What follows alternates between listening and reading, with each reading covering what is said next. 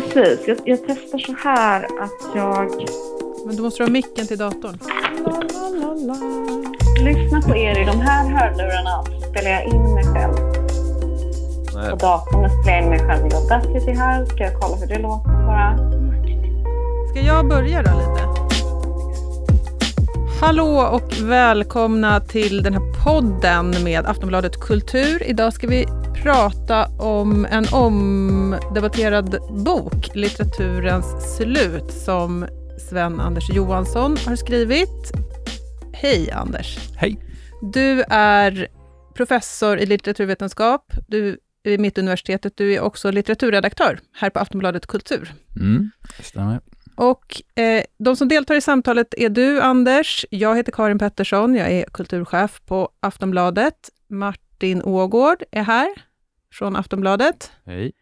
Och med oss på länk är Rebecka Kärde. Hej Rebecka, du är litteraturkritiker Ja, och med hej. på länk. Precis. Mm. Jag sitter i Skåne just nu. Ja. Anders, du har skrivit en bok med titeln Litteraturens slut. Håller litteraturen på att ta slut, ja eller nej? Ja, alltså i min bok så svarar jag börjar jag med att svara ja, det gör den. Och sen slutar jag med att svara nej, det Ja. gör den inte. Och jag tror att man, man måste nog, både det jaet och nejet måste nog vara med samtidigt tror jag. Så du får inget antingen eller, utan du får både och i så fall. Mm. Rebecka, vad säger du? Eh, Jag fick den här frågan i en annan podd eh, häromveckan och då, då svarade jag pass. Och det Mm. tyckte jag var väldigt omdömesgillt av mig. Eh, Men om jag måste välja ett alternativ så svarar jag, svarar jag ja, den håller på att ta slut. För det tycker jag känns som den mest... Det känns mer tillåtande för allting håller alltid på att ta slut. Mm. Bra, vi återkommer. vi återkommer. Martin, Det är ju, som kritiker är det alltid roligare att ta koll på saker än att hylla saker. Så det är ju lockande, men nej, jag skulle nog svara absolut nej. Jag tror att liksom, eh, tvärtom håller litteraturen på att expandera.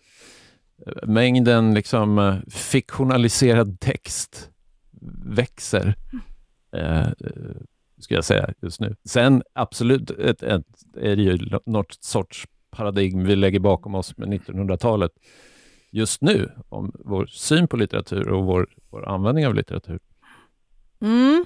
Så det blev både ja och nej Ja. där också. ja. Tråkigt. Ja, men jag, eftersom jag har ordet så förbehåller mig rätten att själv också passa på den här frågan. Men Anders, kan inte du berätta om bokens tes och eh, varför du skrev den och vad, vad liksom den bärande tanken är? Ehm, och så får, man, får vi andra se om vi håller med om din, om din beskrivning av din egen bok. Mm, har jag 45 minuter på mig då eller? Ehm, nej men det var ju många saker där, men eh, bokens tes, det är ju för det första en essä, så den är Mm. rätt svår att sammanfatta. Den spretar åt alla möjliga håll och den är motsägelsefull och så vidare. Så jag säger ganska många, jag prövar en väldigt massa eh, olika frågor och ståndpunkter i den här boken. Men utgångspunkten är ju på något vis en upplevelse av, från min sida, att, att krav, de yttre kraven på litteraturen håller, har, håller på att förändras eller har gjort så under ett decennium eller så i rätt så hög grad på ett sätt som jag tycker är problematiskt. Med en, en slags moralism eller ideologiska krav som läggs på litteraturen. Litteraturens premisser, dess, dess möjlighet att existera håller på att förändras i rätt så i en väldigt hög utsträckning.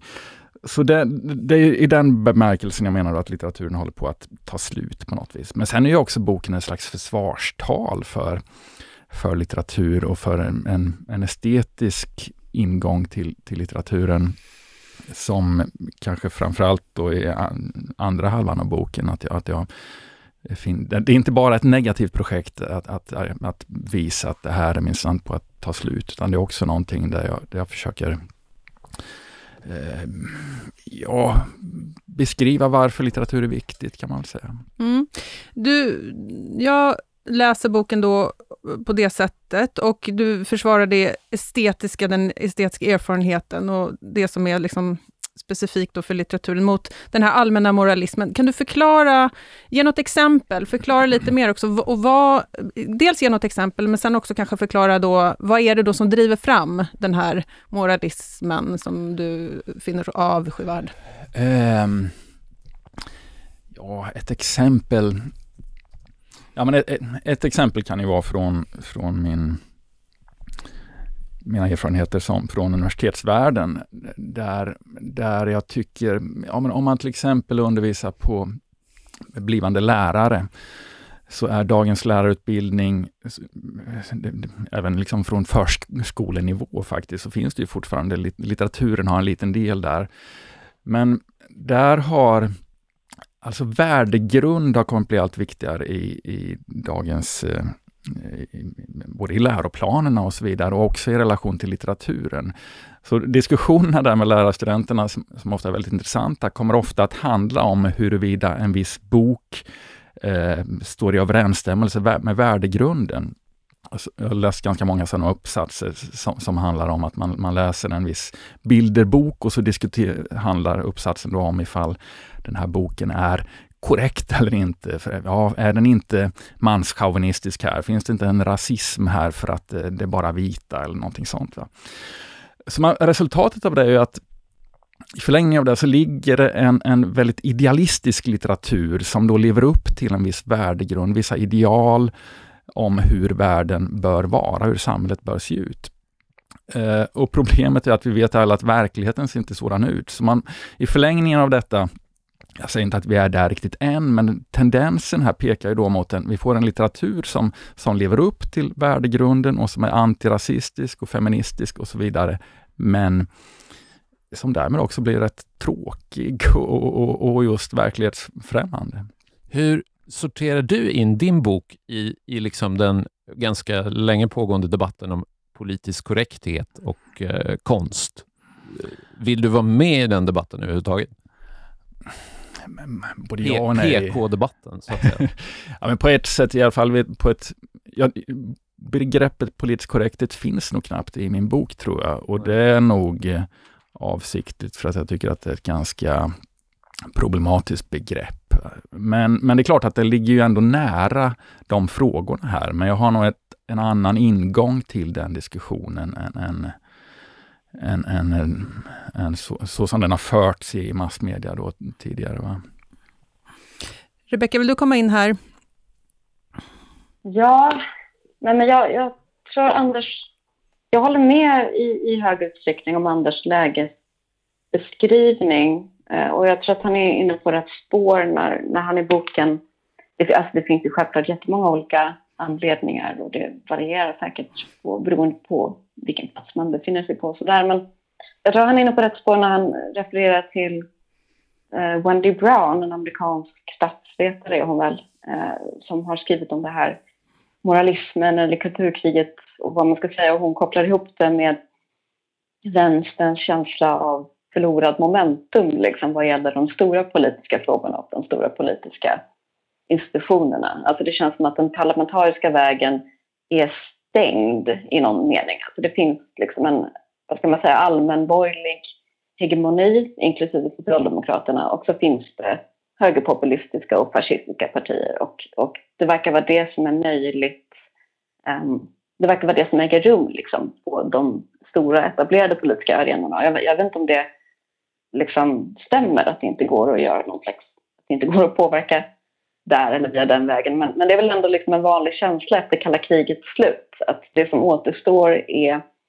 um, frågor som befinner sig på vad man kanske kan kalla för liksom en typ attityd och representationsnivå. Alltså så här, fördomar, åsikter, värderingar. Alltså man kan göra skillnad um, när det gäller till exempel rasism och feminism och sånt. Det har vi ju verkligen sett de senaste 30 åren. Um, men uh, om man kan göra skillnad när det gäller hur folk förhåller sig till saker och hur man talar om saker. Men eh, det är svårt att, det känns nästan liksom fullständigt utopiskt och därmed meningslöst tror jag, att eh, gå in via institutionerna.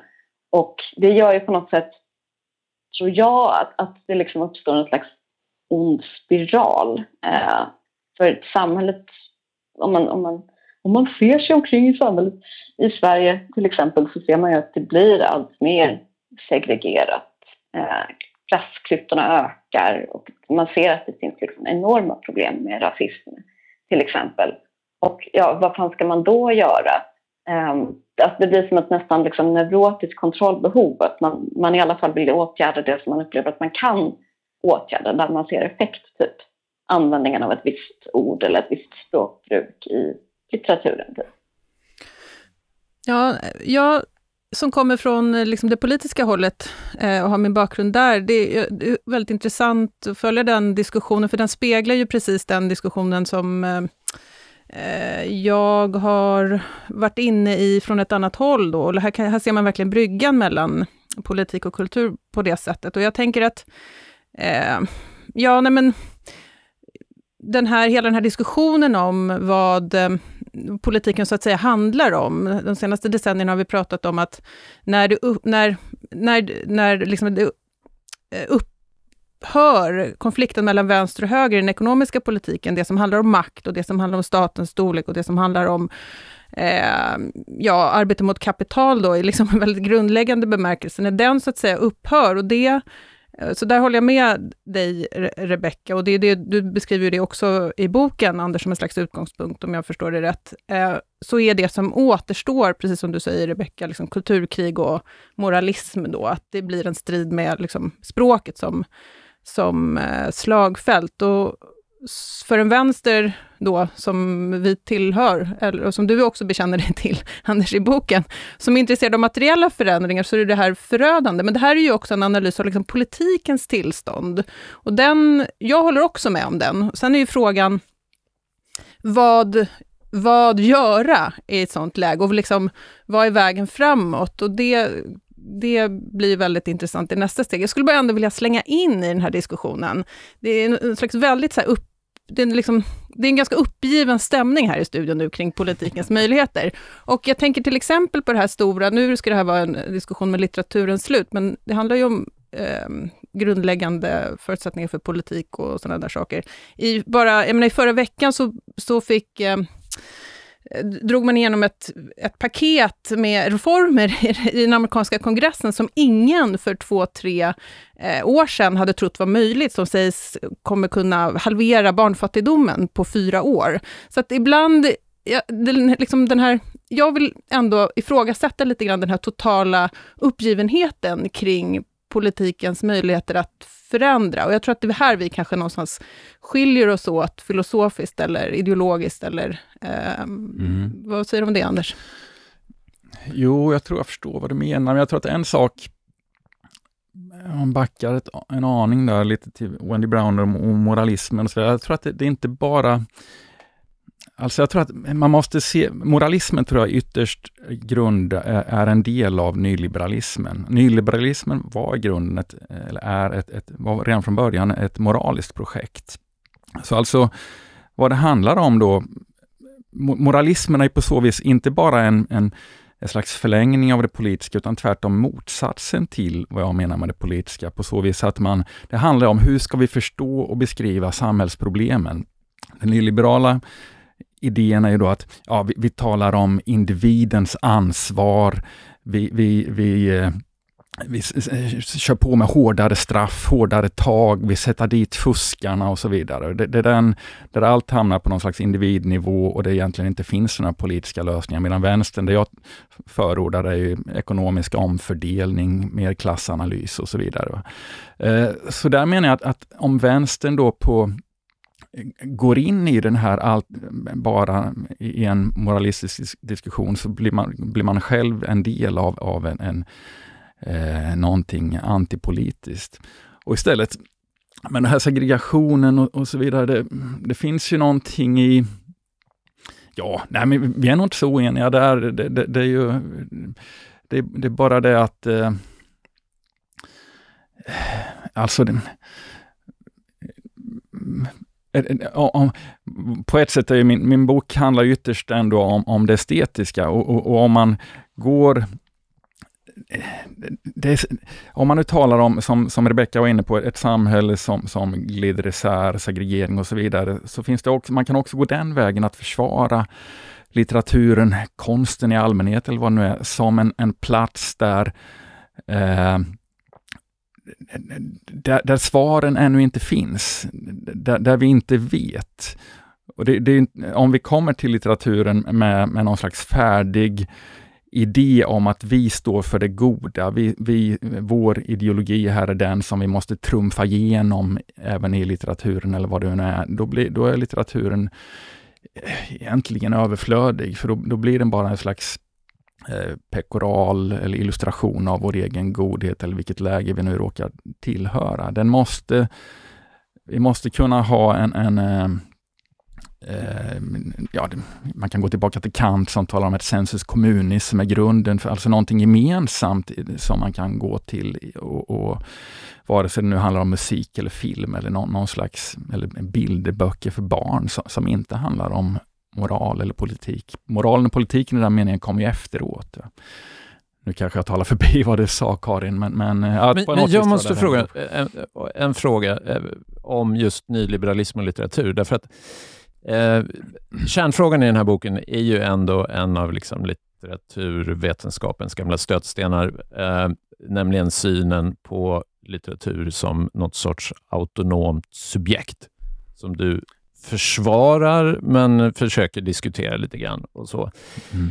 Mm. Jag kommer ju från en liten annan ingång, jag som blev till som människa genom postmodernismen på något vis. Eh, då jag ändå ser litteratur som liksom en uppsjö av olika funktioner. Litteraturen som ett, en uppsjö av olika verktyg. Alltså det, att det är meningslöst att prata om litteratur som just ett, ett autonomt subjekt. Någonting som måste liksom skyddas från moralister eller politiker eller sånt där. Utan det är helt enkelt den fria konsten. Uh, är inte liksom den bilden av litteraturen också en, en liksom lite perverterad individualistisk idé? Att mm. liksom litteraturen är en, en, individ. Alltså det finns någon sorts eh, liksom, förmänskligande av, av litteraturen. Förstår du vad jag menar? Kan du ja. bara förklara för mig hur du ser på den oh. frågan? Ja, men absolut. Jag tror inte att det finns någon större motsättning mellan vad du säger och vad jag, hur jag ser på saken egentligen här. För att eh, litteraturen det finns, är autonom, men det in, autonom betyder inte att den är någonting i ett instängt rum som vi måste skydda och värna på något museum, utan autonomin är snarare ett, ett, ett ord för, ett sätt, en beteckning för på vilket sätt litteraturen är förbunden med allt annat. Litteraturen är, som du, jag menar, det är därför min bok också eh, handlar om ditt och datt. Liksom. Den griper in i, i debatter och, och och, och eh, det, det, är bilderböcker och det är radioprogram och det är tv och, och så vidare. Alltså, det är just genom auton, sin autonomi, sin, sin, att litteraturen är någonting särskilt som den kan fylla en funktion i samhället och, och ha, eh, gripa in överallt. Liksom. Så, så eh, självklart är, är, kan vi inte finns det ingen litteratur som är fri från vare sig moral eller politiska implikationer. Va? Men, men om, vi, om vi glömmer bort att den också är någon, i grund och botten någonting, eh, en specifik kunskapsform, men en, en tradition som går tillbaka, ja, vare sig eh, 200 år eller 2000 år, som är någonting eh, som har sin egen inre logik, så, så, så blir det också meningslöst att, att, eh, att, att på det sätt som du vill då, eh, låta den kopplas in i alla möjliga frågor och så vidare. Va? Så det finns en dialektik här som, jag, som hela boken går ut på, att, att eh, det genom sin autonomi, sin särskildhet som litteraturen också då är samhällelig och som vi, eh, som vi har kultursidor som handlar om alla möjliga saker också. Va? Jag tycker att det är viktigt att påpeka, och det gör ju du också Anders i boken, att det är en tradition så att säga i bemärkelsen att det är någonting som inte alltid har funnits. Utan att litteraturen, det vi menar när vi pratar om litteratur, det är förhållandevis nytt. Alltså det går väl tillbaka kanske på romantiken och Kant och, och sen så får det väl en mer igenkännlig form ännu senare. Och eh, jag tänker att det här som, det här liksom, som du talar om Martin, en, en mer postmodern litteratursyn, det går också tillbaka på det. Det är egentligen liksom inte ett brott, utan det är snarare på något sätt en skiftning inom detta. För i detta så ryms också på något sätt tanken, tänker jag, att litteratur är någonting som kan öppna sinnet, eller vad, vad man nu liksom vill tala om, mot eh, icke förefintliga positioner. Typ. Alltså att litteratur är någonting som inte måste liksom uttrycka en syntes mellan typ två saker som finns, utan det är någonting eh, i någon mening kanske nytt som, som kan artikuleras i litteraturen. Eh, och det där, alltså den litteraturstilen, som sagt, den är inte särskilt gammal. Men, men en sak som jag uppfattar som liksom en huvudfråga i hela diskussionen är, eh, och det går du in på lite grann Anders också, men eh, det är om den här, vad man ska säga, moralistiska, moraliserande vändningen eller vad det nu är, om det är, eh, om det verkligen liksom utgör ett brott eller om det snarare är eh, alltså en, en trend på samma sätt som typ engagerad litteratur var på 60-talet och så vidare. Det, där känner jag mig osäker, alltså hur djupt det går. Liksom. Ja, vad tror du, Rebecka? Jag vet, alltså på sätt och vis så är jag inte så orolig för litteraturens autonomi. Eh, men, men det, samtidigt så tänker jag, jag har tänkt mycket typ på, eh, på de liksom rent mediala och samhälleliga förutsättningarna för litteratur så har jag tänkt mycket på eh, Egentligen har jag tänkt mycket på övergången från en, en muntlig kultur till en skriftkultur som den såg ut eh, för, för länge sedan. Eh, för jag tänker att vi på sätt och vis befinner oss nu i en situation där, där litteratur, eh, både liksom skönlitteratur och, och eh, längre skriven text av andra slag. Eh, det är någonting som har tagit form i dialektik med ett format, boken, och liksom ett sätt att sprida och läsa böcker som nu håller på att förändras jävligt mycket ändå. Och texter ser fortfarande inte så mycket... Texter ser fortfarande väldigt mycket ut som att de är producerade för böcker och de är ju det i liksom väldigt hög grad.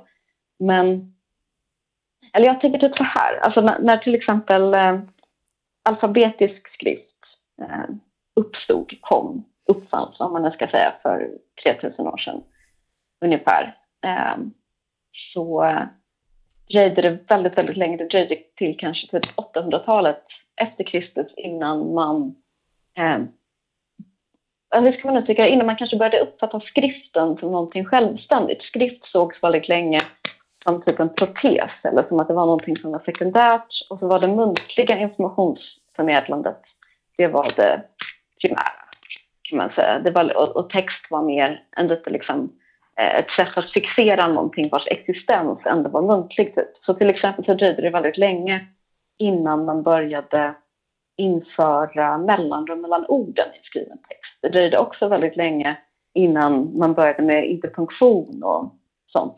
Eh, för för det var liksom tänkt att man skulle läsa en text högt för sig själv och då behövde man liksom inte riktigt kunna se utan vad, de enskilda orden var utan man satt och läste högt detta liksom långa, långa flöde av bokstäver som bara eh, fortsatte. Och på något sätt kan jag tänka att där nu blev det här en ganska lång harang, men fattar ni vad jag menar? För jag kan tänka att vi är lite grann där nu. Typ, det är väldigt, väldigt, väldigt sant tror jag också. Alltså, det finns en generation nu som, vi sitter här och poddar för övrigt, eh, som just lyssnar och tittar på, på Youtube-videos. Och, och, textens funktion som massmedium när den uppfanns, att texten var ju nödvändig för att mångfaldiga en berättelse eller en lagtext och sprida den. Den funktionen är inte, texten har inte enbart den. Alltså nu är det väldigt lätt att mångfaldiga, att kopiera ljud och sprida ljud, eh, vilket vi håller på med just här och nu. Och Det experimenteras väldigt mycket med, med ljudböcker, med ljudberättelser eh, och sådana saker. Eh, fiktion. Och textens nya funktion tror jag kommer bli mer eh, arkivarisk helt enkelt. Att den går att lagra, den går att... Ja, du, du kan inte ha en, en lagbok i form av en podd till exempel. Så textens funktion kommer att förändras lite grann framöver. Men jag tänker, om jag får haka på där, så tänker jag att eh, jag tror också att vi går, och det är väl ovedersägligt att vi går mo, mer mot en eh, ljud och eh, bild, ett uttryck. Och då är du, din fråga, Anders, som jag uppfattar i boken, är då det liksom den estetiska e-, är den estetiska erfarenheten kopplad just till litteraturen? Är det den, hotar den då att liksom försvinna? Det är en fråga som jag uppfattar. Eh, eh, om litteraturen som vi känner den idag försvinner. Och min egen eh, tanke kring det är väl att jag är, inte så för, jag är inte så orolig för det, eh, för jag tror den kommer, liksom en estetisk erfarenhet kan finnas kvar och det behöver inte påverka liksom verkshöjd eller tankedjup, även om man flyttar liksom, eh, uttrycket för, för vad människan är. Och sen tror jag litteraturen, det skrivna, kommer finnas kvar som en form av många, och inte kanske bara som du säger Martin, som en arkivfunktion, utan som ett eget uttryck då. Men det jag är mer orolig för i sådana fall är att vi lever i en den här liksom versionen av kapitalismen som vi lever i nu, eh, som är så pass eh, som har tillgång till oss på ett annat sätt. Eh, om, du, om man ändå pratat om mm, Anders, du pratar om, liksom autonom, vi pratar om autonomi, att det funnits en slags kanske inte en helt fri plats, men det har ändå funnits eh, slags oppositionsfickor eller liksom en idé om det fria uttrycket som har kunnat finansieras och kunnat finnas liksom utanför de här eh, helt kommersialiserade ytorna, så uppfattar jag att de ytorna blir liksom mindre och mindre. Eh, och i, att, i takt att vi liksom går mot mer och mer av övervakningskapitalism och mer och mer av att vi alla våra all, all, vår konsumtion liksom registreras, noteras, data samlas in. Eh, vi får tillbaka liksom förslag genom algoritmer på vad vi ska konsumera i Netflix och i Storytels algoritmer. Och, och att hela liksom utrymmet för ett annat eh, självständigt tänkande eller eh, någonting som inte är till, helt tillplattat, tvådimensionellt. Jag är mer orolig för det än, än, den, än, än att just litteraturen som skriv eh, form försvinner. Förstår du vad jag menar? Och jag tror också att den här, de här just den här teknologin, eh, de här algoritmerna som nu kontrollerar offentligheten, jag tror nämligen också att de i sig, jag tror att de, de driver fram i stor utsträckning den här moralismen. Mm, eh, dess, mm. De här eh, algoritmernas inneboende logik då. Ja, Nej, men jag håller med. Jag tror vi är ganska eniga om det du säger. Alltså, när man talar om den estetiska erfarenheten och då låter man ju lätt som någon gammal skön ande från uh, det liksom eh, det låter fint. Eller så Jag vill också försvara det. ja, ja, men, men, jo, men det, det, finns en risk där och jag tror att man, man, man ja, du är elitist. Du, man tänk, ser framför sig någon slags eh, besökare på operan eller konserthuset. Sådär, som, men det är någonting Å ena sidan så är det estetiska erfarenhet någonting väldigt specifikt som, som inte ska plattas ut. Va? Det är någonting annat än en upplevelse eller som upplevelseindustrin säljer och så vidare. Men det, du har ju helt rätt att det är ju inte Estetiska erfarenheter kan man ha i, i, olika former. Eh, det kan vara film, det kan vara musik och, och, och, vad man vill och det är klart att den är större än litteraturen. Men det är också så att litteraturen står för någonting eh, någonting, det är som, som Rebecka har varit inne på, någonting väldigt specifikt och en, en kunskap, ett hantverk som, om det, som har varit väldigt centralt under 1800 och 1900-talet i, i de moderna samhällena, sådär, både skola och så vidare. Läsandet har varit någon, en väldigt bred Fullkomligt grej. centralt. Ja, och den håller nog på att krympa ihop. Mm. Och sen kan vi ändå ha då en, en, en liten klick specialintresserade som, där vi fortsätter att, att, läsa litteratur och det är ju värdefullt nog. Liksom. Eh, jag, jag driver ju också argumentet i slutet av boken här att med den här klimatfrågan som är så, eh, alltså vår, vår största fråga idag, va? där man där jag menar att också, också i relation till den är den estetiska erfarenheten väldigt viktig, för att det, det är kanske där vi är som mest ekologiska. Så det handlar liksom inte och det handlar om att, för det är någonting i, den, i det estetiska som det sker en slags omförhandling mellan subjektet och objektet. Vad är vi? Hur relaterar vi till omvärlden? Och där man går in i, i ett sätt att vara som inte inbegriper samma typ av kontroll och naturbehärskning som hela moderniteten har, har byggt på.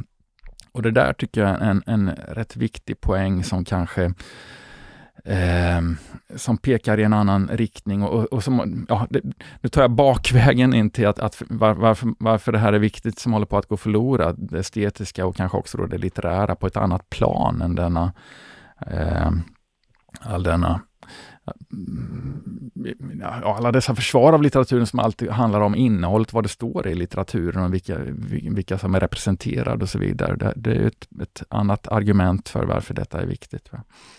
Jag, tror, jag tror att många skulle tolka det du säger som att litteratur borde handla mer om klimatet. Ja, och det är ju ett problem. Ja. Det är inte det du säger. Ja. Låt mig testa en tanke här. Jag har ju faktiskt skrivit en snarlik bok, i alla fall titeln, tillsammans med Natalia Kashmirska. Popkulturens död heter den, då vi försöker skriva ett antal essäer om hur ett annat stort 1900-talsfenomen, nämligen popkulturen, populärkulturen, eh, så sakteliga förlorade i betydelse, eh, gjordes uddlös och dess utöver arbetarklassen, eh, ja, tappade kontrollen över den. Och vi hittade ju, när vi försökte resonera oss fram till vad vi ville prata om, så handlade det ju ganska mycket om, om maktförhållanden mellan samhällsklasser. Och liksom litteraturen är ju så, eller romankonsten som ändå är den vi pratar om här. Mm. Vi pratar inte så mycket om poesi kanske. Ja, Jonas ja, Eik. Jag, det. jag tycker jo, att det, det finns med där också. Men låt, skit i det nu. Det, nu då faller mitt resonemang. Vi tar romankonsten. Det är ju så intimt förknippad med liksom borgerskapets framväxt. Eh, det är liksom den borgerliga kulturens eh, eh, pärla, är liksom romanen. Den som liksom, den har berättat om borgarklassen, den har, har liksom ägts av, av medelklassen. En, en samhällsklass som nu kanske befinner sig i kris, är det inte det vi ser bakom allt det här? Om, om litteraturen nu förlorar i betydelse, alltså klassiska begrepp som bildning, där liksom eh, kunskap om romaner har, har varit en del, är också liksom en gammal borgerlig uppfinning, eller borgerskapets uppfinning.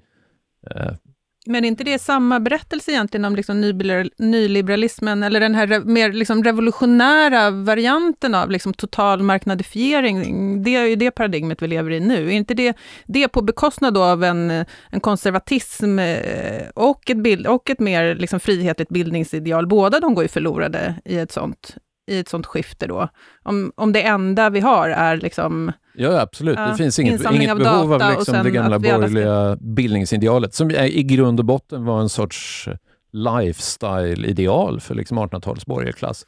Man skulle mm. läsa, man skulle lyssna på musik under tystnad, man skulle ta promenader, man byggde parker i alla storstäder för att man skulle promenera i. Det, det var ju väldigt mycket som hänger ihop med det där. Jo, men det är ju en aspekt av det. Eh, men, men det är ju inte allt. Liksom. Den, den, den liksom eh, vad ska man säga, den sociologiska blicken på det hela kan ju förklara mycket. Men det innebär ju inte att, att innehållet i, i den bildningen eller den, de erfarenheterna som, jag menar, man, man, ja, vi har varit inne på Kant tidigare och sådär. Det, det, det, det, finns ju någonting där som, som är materiellt, som handlar om våra kroppar och, och vad vi, och där, ett, ett, där det finns en möjlighet att, att reflektera vad, vad vi är som, som biologiska varelser i det, estetiska. Det estetiska är inte bara någon, det handlar inte bara om idéer, utan det handlar om, om, om just eh, någonting fysiskt. Och det är därför också kopplingen finns där till, till klimatfrågan. Det handlar om natur och kultur ytterst också. Va? Vad är förhandling om vad, vad det egentligen är för någonting. Så visst, eh, ja, men, men jag, jag har heller inga problem med att, att eh, att bli kallad konservativ i, i vissa avseenden här. Det finns ju någonting här som är som är... Ja, jag, jag sa egentligen inte det. Jag sa mest Nej. att liksom det är en, en sorg över liksom ja. den borgerliga bildningens eh, och borgerskapets kris. Ja, men, ja, men, det, ja, men, det, men får jag, får jag får, ja, vill du börja Rebecka? Jag har invändningar. Nej, men eh. jag, får jag börja? Börja du. Okej, okej. Okay, okay. Det är så svårt när man inte ser varandra. Mm. Men, uh, ja, nej, men absolut. Jag, jag, det ligger väldigt mycket i det. Och eh, jag pratade om det här med en kompis och han sa att han aldrig har hört en kvinna eh, utropa litteraturens slut, utan det är liksom en exklusiv manlig diskurs. Och eh, på många sätt så, alltså det var ju, han, han tyckte själv att litteraturen höll på att ta slut, så det var liksom inte raljant. Men man kan ju mena det raljant. Eh, och det är ändå något som är värt att ta på allvar tror jag i det att eh, litteraturen, romankonsten och så vidare, den, den moderna skönlitteraturen är ju på något sätt det moderna subjektets eh, primära uttrycksform. Liksom. Och, och det moderna subjektet är en vit borgerlig man och det, det är kanske inte så konstigt då att de som känner sig fysiskt träffade av den beskrivningen är de som först noterar när någonting håller på att förändras i den, liksom, i, i den konstruktionen. Och, eh, och jag tänker att det finns liksom paralleller till typ Alltså Stanley Cavell, en, en eh, litteraturvetare, han, han har menat att, eh, eller formulerat det så enkelt som att modernismen uppstår när traditionen förlorar sin auktoritet, för då måste konsten börja reflektera över sig själv, liksom, när den inte anses vara helt naturligt på plats, när den inte bara är given, utan ja, den blir självrefererande. Liksom. Och det är ju lite så typ nu, fast med den vita mannen, så att säga, att subjektet har förlorat i sin auktoritet. Det har blivit uppenbart att det faktiskt finns väldigt många olika människor och väldigt många olika villkor och, och folk, väldigt många vill göra sig hörda liksom. Och man blir, om man då inte är en vit man så blir man uppmärksam på sin kropp när man ger sig in i den litterära diskursen på liksom, ett helt annat sätt. Men det, och där är ju typ så den liksom, vulgär-Bourdieu-tolkningen av detta är ju liksom att allt som typ eh, eh, jag vet inte. Eh, att Carola är en jättebra artist och hon anses bara trivial för att det är kvinnor som lyssnar på henne. Liksom. Fattar ni vad jag menar? Eh, men, men, där kan man ju säga att det finns ju väldigt mycket i det här som har varit eh, möjligt för män i, i nästan uteslutande för män. Det finns ju väldigt mycket i det som är jävligt bra och projektet kan ju vara att göra det tillgängligt för fler. Liksom, att göra litteraturen och det rummet som Anders pratar om som man kliver in i, att göra så många som möjligt får tillgång till det. Ja, kanske var det där ett bra ställe att haka i, för jag tänkte, vet inte om det är en invändning mot dig Martin, men på något sätt kanske ändå att det liksom borgerliga bildningsideal som du beskriver, det är ju också liksom arbetarrörelsens eh, bildningsideal. Som man, tog, man tog över det. Man tog över det, aktivt. precis. Och och det kan man ju fundera över, men som ändå liksom bottnar en idé om att en, en marknad, marknadskritisk idé, att det finns, det finns någonting som är att vara människa bortom, liksom, bortom det kommersiella. Och det, att, att få syn på det, och det var väl också arbetarrörelsens idé, att få syn på det, vad det kan vara, liksom, vad vi som människor skulle kunna vara, det måste också ingå i ett politiskt projekt. Och det, eh, det handlar om att ge liksom, individen den friheten och lyckan och liksom, eh, den vidgade horisonten. Men det påverkar också i sin tur eh, den politiska idén om vad vi ska bygga gemensamt för, för samhälle. Och jag, så att jag tycker att det där, det hänger ju också ihop. Alltså, om, om det är så att det inte finns utrymmen för den estetiska erfarenheten eller för den här, det tveksamma eller det som är, som du sa Rebecka, det som är ett plus ett blir någonting annat, det som blir större, det som är bortom det som läggs ihop. Då kommer vi ju aldrig heller nå en idé om eh, vad som ska komma sen, eller vad vi skulle kunna göra annorlunda. Och det, så det, men det fyller liksom så den traditionen fyller båda de två syftena, tycker jag. Ett politiskt syfte, men också så man vill verkligen försvara det som är kopplat till individens bara liksom varande och växande i sig, som ett värde i sig. Och det tycker jag, om man ska försvara någonting framåt, så är det det man vill försvara. Båda de två sakerna. Mm. Om du förstår vad jag menar? Jo, ja, men jag håller med återigen. Det, det är också någonting återkoppla till nyliberalismen här, där, där jag tror att idag befinner vi oss i en situation, jag tror alla känner igen det här, hur allting, hela vår tillvaro, vare sig vi talar om yrkesliv eller eller eh, som privat, eh, privatliven, att allting blir mer, allt mer administrerat. Det finns inte en, en, sekund eller millimeter av tillvaron som inte på något vis ska vara lönsam eller som på något vis är genomtänkt via någon, med någon mm, algoritmerna som du talar om förut Karin, eller, eller i eh, hela detta räknande, kvantifierande av allting. Liksom. Och det här är ju mm, det här är en situation eller en realitet som även, även eh, genomsyrar litteraturen, men likväl finns det, det, det, det är oerhört viktigt att försvara de små möjligheter som finns till någonting annat som kan motstå det där. Och, och konst, litteratur och populärkultur, eller vad man vill, är ju sådana platser. Liksom. Och det innebär ju inte att att, eh, att det är någon slags gott och ont logik här, va? utan precis som du är inne på Martin, det är klart att det finns ju någon, någonting i det här som är borgerligt eh, tidigare och så vidare. Och det, och, och, men, men likväl... Jag så... menar då, alltså inte borgerligt i liksom egentligen politisk bemärkelse, nej, nej, utan mer som nej, en samhällsklass. Absolut. Uh, men, men, men det...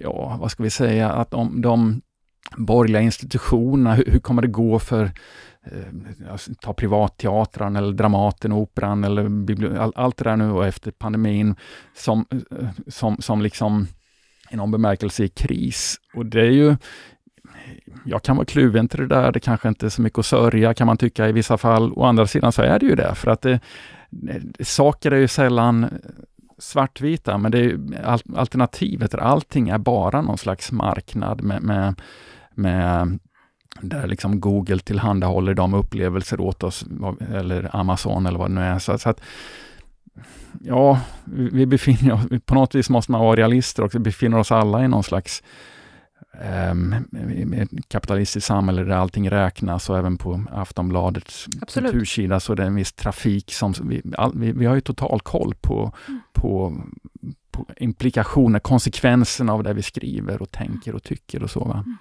Jag har bara lite svårt att liksom se idén om liksom litteraturens autonoma subjekt som en, en, bra position att angripa nyliberalismen på. Därför att litteraturen, som vi har förstått den under 1900-talet, är ju ett sånt det är, det är en väldigt liberal idé, en väldigt extremt individualistisk konstform. Böckerna skrivs av en, ett subjekt, aldrig i grupp. Man läser den under tystnad, ensam. Eh, och liksom idén om att man, om bildning är också en väldigt hyperindividualistisk idé. Det är någonting som inte kan köpas och säljas på en marknad. Det är någonting som inte kan läras ut. Utan det är någonting som man bara själv kan tillgodogöra ja, sig kan, men tystnad. En klass kan ju bildas. Arbetarklassen då är inte ett individuellt projekt, utan det handlar om att en hel klass skulle lyfta sig och, och, och, det, och det lyckades man ju också med. Så att det inte nödvändigtvis i Nej, Absolut, men, men, idén om liksom litteraturen som liberal mm. i sig?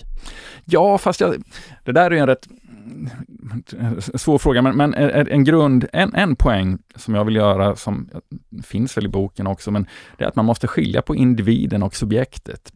Individen menar jag, det är en produkt av en, en kapitalistisk logik och en, en, en nyliberal ordning, att vi alla vi, det, det, är en form som vi inte väljer själva, utan det är någonting som hela tiden vi, vi eh, tvingas in i. Det finns ett politiskt intresse av att vi, vi, agerar som individer. Vi väljer individuellt, men den är egentligen standardiserad. Subjektet menar jag är någonting annat, där eh, det är någonting som är, är Eh, Eh, mer diffust, det är inte standardiserat, det är någonting som är knutet till vår, vår fysiska existens, våra kroppar, men det är också någonting som, som förhandlas om med, med, i förhållande till ett objekt, alltså någonting som inte är jag. Och där menar jag att i när vi gör en erfarenhet, det kan vara en estetisk erfarenhet, det kan vara sexualitet eller vad som helst, så är det någonting där som, som som inte är klart på förhand. Vi är på något eh, vis subjekt, men exakt vad det innebär eh, är öppet. Och vi bestämmer inte det där själva heller, men vi, vi är, det, det, den är inte heller bestämd av, av eh, marknaden menar jag, utan vår subjektivitet, det är ju den vi utforskar och, och, och när, vi, när vi läser litteratur i någon bemärkelse. Den är under omförhandling där. Ehm. Och det, ja, det kanske är flummigt, men, men på något vis tycker jag den, den, den distinktionen är viktig att uh, insistera på här. Rebecka, vill du komma in här? Ja, um, Nej, men jag håller med. Jag tycker också att det, att det är en fruktbar distinktion. Och sen tror jag att det kan vara värdefullt kanske att eh, skilja på, jag vet inte om det är värdefullt, men möjligen att det kan ligga någonting i att man bör skilja på liberalism och nyliberalism. Alltså det, det är ju inte, det är inte John Stuart Mill som kritiseras här, liksom. utan det är ju eh, Hayek och Amazon. Om vi går vidare till en annan, vi har en liten stund kvar. Jag, har, för jag håller med dig i ganska mycket i boken, Anders, liksom i den här grundsynen som vi har pratat om nu. Jag tror vi, det finns mycket liksom som vi är överens om, men en fråga som jag har, det är ändå, um, du, din, du blir liksom fysiskt illamående av moralismen. Liksom känner så, ah, du känner ett sånt avsky mot det du uppfattar som moralistiska liksom, tendenser, eller inte tendenser, utan som en moralistisk våt filt över liksom, samtiden. Och det är både litteraturen, men också kritiken, får man väl säga, som du, som du beskriver. Och ibland eh, undrar jag om du inte är mer förbannad på kritiken än på litteraturen i sig, men det kan du få svara på alldeles strax. Men för det som slog mig när jag läste boken, det är ju också att det är inte så lätt alltid att skilja på vad som är liksom en genuin... Eh, du skiljer på moral och politik, eller på moralism och politik också i boken. Och vad som är liksom en genuin, eh, till exempel en rättighetskamp, eller en, en genuint känd, stark övertygelse som behöver komma till uttryck i, eh, i litteraturen, eller i, liksom, som, som bottnar i en, en, ja, någonting starkt och viktigt som måste få komma fram. Eh, det var liksom, din, din moralism kanske är min politik. Eh, och jag tycker att det där, och det, kanske var det det du var inne på lite tidigare också, Rebecka, vad man liksom, vad som, eh, var gränserna går då mellan det här. Och det kanske, du har en del exempel, till exempel det här Jonas Eikas tal på mm. Eh, mm. Nordiska, Nordiska rådets, rådets pris. Där, ja. ja mm. Den här författaren som hade ett väldigt eh, mm. starkt politiskt uttalande mot den danska flyktingpolitiken. Det eh, skriver du in då i den här liksom, berättelsen mm. om en moralistisk tid. Mm. Jag kan tycka, utifrån mitt politiska perspektiv, att det, mm. det är en motståndshandling, en viktig motståndshandling. Så det mm. där, mm. det är liksom, då kommer vi in på exempel och praktik. Men du får gärna resonera um, kring det. Ja, alltså om jag nu är så arg och nästan allergisk över det. Nej, jag bara, ja, men det ligger vill någon, få upp temperaturen här lite. det ligger någonting i det och det är väl i så fall ett tecken på kanske att jag eh, att jag också är arg på, på mig. Mm. att, att, det är en svår, att det finns en närhet där. Liksom. Jag mm. kanske inte vore så upprörd om det inte... Och det, det, den gränsen mellan moral och politik, eller etik och politik, är ju givetvis svår. Och på ett sätt är det också det som min bok handlar om. Mm. Så det, det, det, man kan diskutera länge, så jag vet inte var jag ska börja, men en sak är ju, som du säger, att när Eika håller sitt tal där, så är det just en motståndshandling. Ordet motstånd här tror jag är viktigt, för att jag menar att en sak med moralismen, eller hela den här etiska vändningen, är att den är, det finns en, en en väldigt stark slavmoral i det, alltså det är Nietzsches begrepp slavmoral då, som handlar om att för att överhuvudtaget etablera, konstituera ett värde, så måste man då så börja, i slavmoralen, då börjar man med att peka ut någonting ont. Det, det, där är ont och eftersom det är ont och det är inte vad vi står för, så är vi goda. Så alltså, det finns en reaktiv logik, det är hela tiden detta man, man pekar ut det onda för att konstituera sitt goda vi, eh, som då blir, blir liksom sekundärt, det blir beroende av att man har någonting att göra motstånd mot. Och det där problemet med det, menar Nietzsche, eller, är ju att det blir väldigt konservativt. Man kan liksom inte eh, ta några steg framåt i, oberoende av, av, det där, utan man hela tiden, man kan bara reagera då mot de, de motståndare som man har målat upp. Liksom. Man blir beroende av sin motståndare. Jag tycker det finns massvis av exempel på det i samtiden. Och när Eika då håller sitt tal där, det är inte så att att han är helt ute och cyklar. Självklart finns det rasism i Norden och så vidare och självklart kan man inte ha hans, man kan kritisera dansk flyktingpolitik.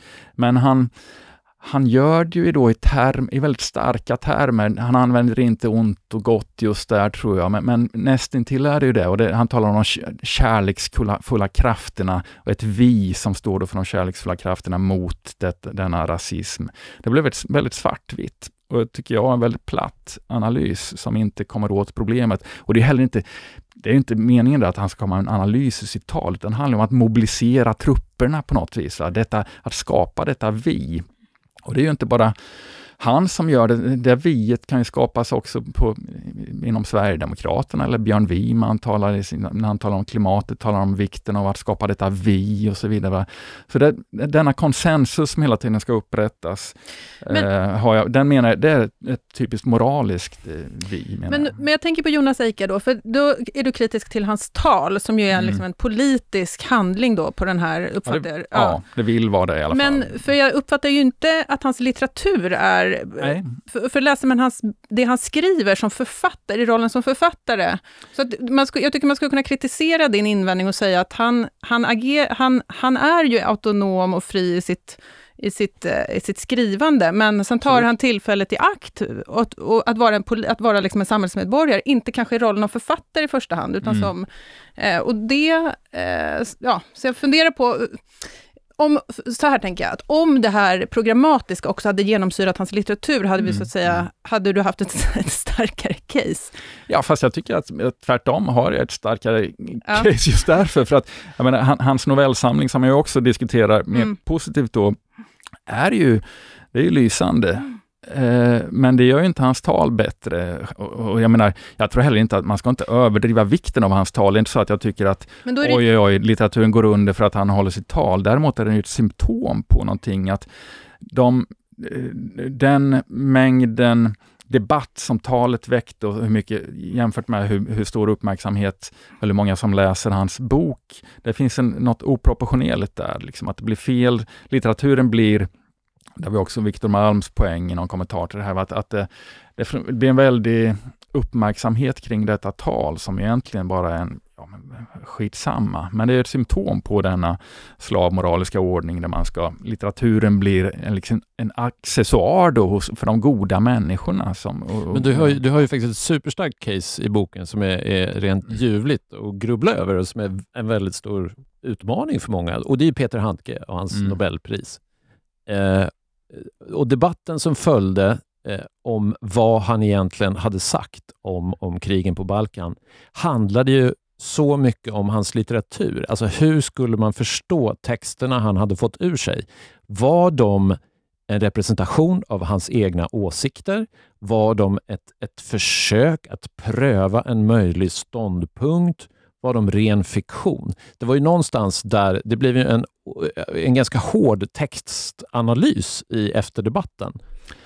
Ja, blev det det egentligen? Blev inte debatten Jag tycker i alla fall en... de texter vi publicerade här i Aftonbladet hade de. Fanns Sen fanns det ju och... naturligtvis andra sorts angrepp också som var mycket mer svepande. Oh, nej men visst, och, och Rebecca var ju en av dem som, som försvarade honom, eller pri, ja, valet som jag förstår på ett väldigt bra sätt. Men jag, jag tycker att det, problemet med debatten var att den kommer att handla om allting annat än litteratur. Det kommer att handla om Srebrenica och, och det där talet och, och så vidare som, som Ja, det kan man diskutera, men det är inte riktigt eh, det som... Eh, det var ju ett Nobelpris i litteratur då, tala om, inte ett fredspris här liksom. Rebecka, vad säger du? Du var ju i princip med och gav honom priset. Ja, jag var, jag var direkt ansvarig för... det var skönt att vi har det här. ja, för både detta och eh, antar jag då för för debatten. Och, nej men jag tyckte att det, det var liksom svåröverskådligt. Jag, jag tyckte att det skrevs en hel del bra, men att det verkligen var eh, ja, högt och lågt i den debatten. Jag, jag håller med om att det, det skedde en del väldigt intressanta läsningar. Eh, men det som mitt intryck i, i skyttegraven var väl kanske då att det också, som Anders säger, att, att väldigt mycket kom att handla om någonting annat än litteratur, det vill säga hur ond är Peter Handke? Eh, och eh, diskvalificerar detta honom, Peter Handkes eventuella ondska, i vilken grad diskvalificerar detta honom för ett pris? För jag tror inte att det var någon som hävdade att, eh, hans litteratur, hans böcker i någon mening är för dåliga. Utan det, det handlade om att de är för onda. Och det där är ju, alltså, eller kanske inte ens om att litteraturen är för ond, utan om att Peter Handke som person är för ond. Och det där är ju en intressant fråga, liksom, i vilken eh, den norska författaren Stig Säterbacken har skrivit mycket om det, liksom, i vilken mån man kan, eller litteraturens relation till det etiska, om det överhuvudtaget finns liksom, en ond text. Eh, finns text som... Det, finns en väldigt stark tendens, jag, och det känner jag själv med Handke också, att jag tror att jag märker på mig själv med någon slags eh, skrittande och förtjusning att jag gärna vill liksom argumentera, inte bara för att det är bra, utan jag vill också argumentera för att det i någon mening är gott. Och då menar jag inte tala till Milosevic, liksom, utan att jag vill hitta någonting som är uppbyggligt, tror jag, på, på, ett, litet, på ett sätt som känns lite perverst mot Peter Handke. Fattar ni vad jag menar? Att, uh, och vad, vad hittar du det uppbyggliga hos Handke? Är det hans ställningstagande mot bombandet av, eh, av Serbien? NATOs bombningar? Nej, jag tror att det är hans beskrivningar av svampplockande. Men det, att, att berätta, mera, berätta mer om svamparna. Mm.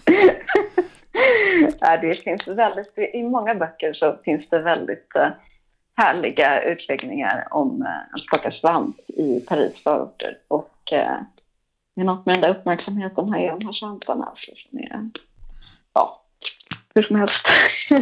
mm. Men det, det, finns ju också en, eh, en intressant förhistoria till, till Nobelpriset, där, där det var en debatt som Hanke var inblandad i på under efterkrigstiden, var det 50-talet, de hade detta seminarium i, i New York, där, där det här tyska där Handker gick liksom till storms mot en hel generation av tyska efterkrigsförfattare för att han menar att de var upptagna av att bara registrera verkligheten som den ser ut på något vis. Va? Skriva det vi redan vet, tyckte han. Och han ville då att litteraturen måste göra någonting. Det, det, det ni håller på med är meningslöst. Det är liksom, man kan lika gärna läsa en ordbok som att läsa era böcker. Och, och det där tycker jag är, det, det är väldigt belysande att, att lyssna på den debatten i relation till Nobelpriset. För att han, han menar att litteratur handlar inte om att, att, att man, man vet någonting, man sitter inne med någon slags etisk kunskap eller om att man, man jag vet minsann eh, det här om, om rasismen eller vad det nu är, liksom, och så skriver man sin roman som illustrerar det. Utan det, han skriver sina böcker för att han inte vet. Så det finns ett risktagande där som, som är, ja, jag håller med, på ett sätt handlar det om det här du, du beskriver Rebecka, om, om Säterbacken och så vidare, att, att det finns någonting där som är, det är ju det som är poängen med litteratur, att det, det, finns något riskabelt i, i, all intressant litteratur egentligen, att man vet inte var det, var det slutar. Liksom. Det, Nej, det är inte utlösbart ur premisserna vad som ska hända. Liksom, det... Är det här nyttigt eller är det onyttigt? Ja, vem vet liksom.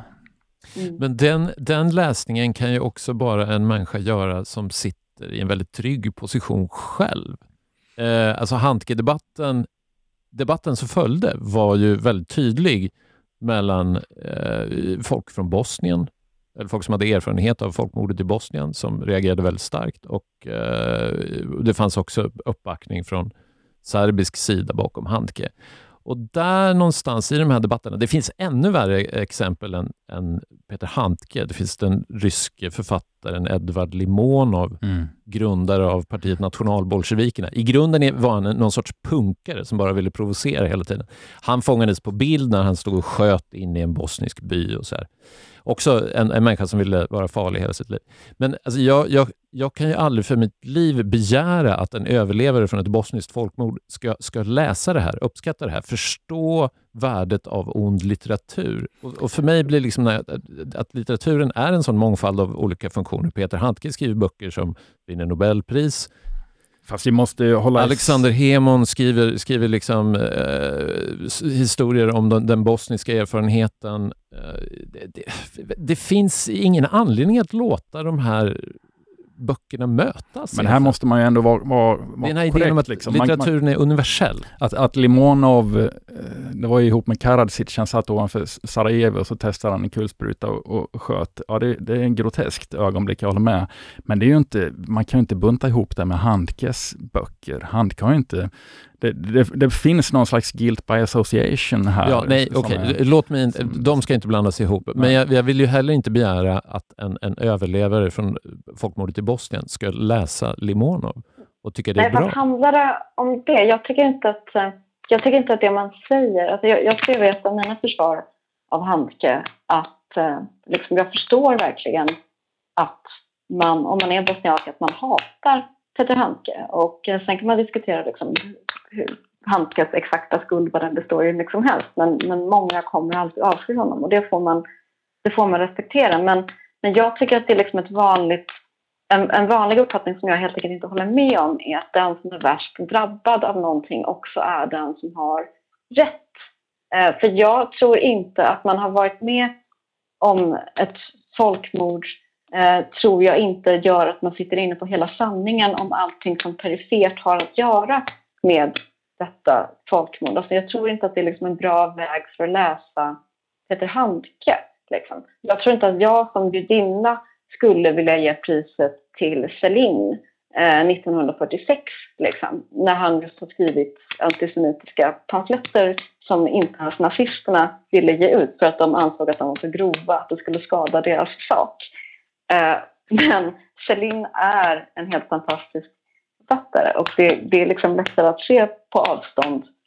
Eh, och jag vet inte, alltså, jag tycker inte att liksom, jag tycker inte att det handlar om det. Jag tycker inte att någon har försökt liksom övertyga befolkningen i Bosnien om att Peter Handke visst är en bra författare.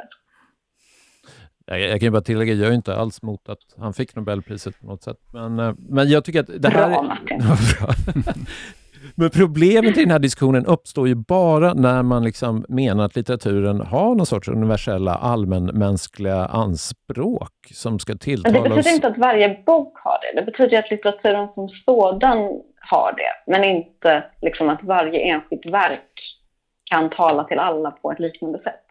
Jag tror att jag eh, funderar också i en annan dimension, ändå kanske relaterat, och det är just den här Eh, liksom en, ja, det etiska mot det estetiska, eller det politiska som skilt från en mer, ja, en annan typ av erfarenhet. Jag, eh, och det här är ju liksom djupt personligt då för mig, men att jag tycker det är svårt att skilja dem åt. Alltså det som är, att, att liksom en, en etisk läsning eller liksom en, att få en förnimmelse eller få en idé om till exempel, okej nu låter det banalt, men hur ett annat samhälle skulle kunna se ut eller hur världen skulle kunna konstrueras, det är ju också en estetisk upplevelse. Det är ju Mm. inte bara liksom Mm. arbete mot kapital, utan det är ju också eh, ett uttryck för fantasi eller att liksom få syn på någonting behöver inte, det kan ändå ske i en text eller i ett verk som har väldigt tydliga liksom, politiska utgångspunkter eller beskriver en erfarenhet eller ja.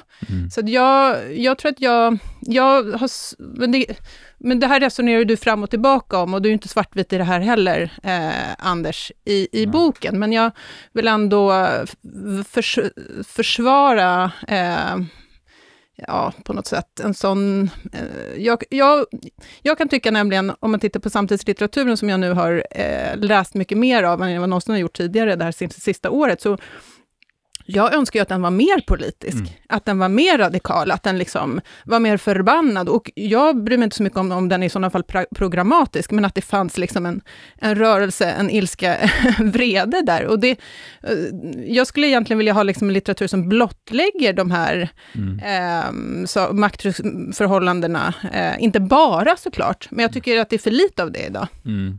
Nej, men det kan jag också hålla med om, även om jag tror att vad som är bra litteratur eller inte Ja, nej, kan visst. inte mätas i Nej. politiska termer. Däremot så skulle jag skulle nästan kunna sträcka mig till att, att eh, den est, det, estetiska är per definition politiskt. För Mm. att man kommer ut på andra sidan med Ja. någon slags förändrad blick på samhället. Och, och det handlar om just subjektets relation till, till de andra och så vidare. Ja, jag diskuterade ganska kort Jacques Rancière, en fransk teoretiker också, som in, driver detta, att, att estetiken är politisk. Liksom.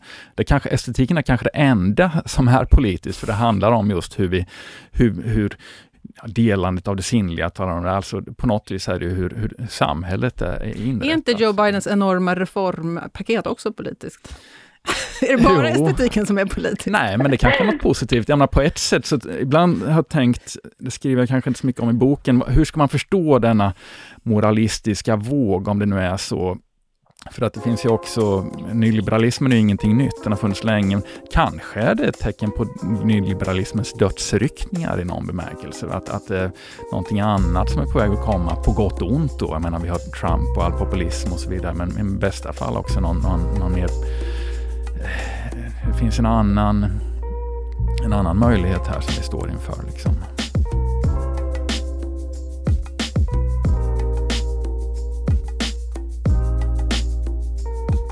Du har lyssnat på en podcast från Aftonbladet. Ansvarig utgivare är Lena K Samuelsson.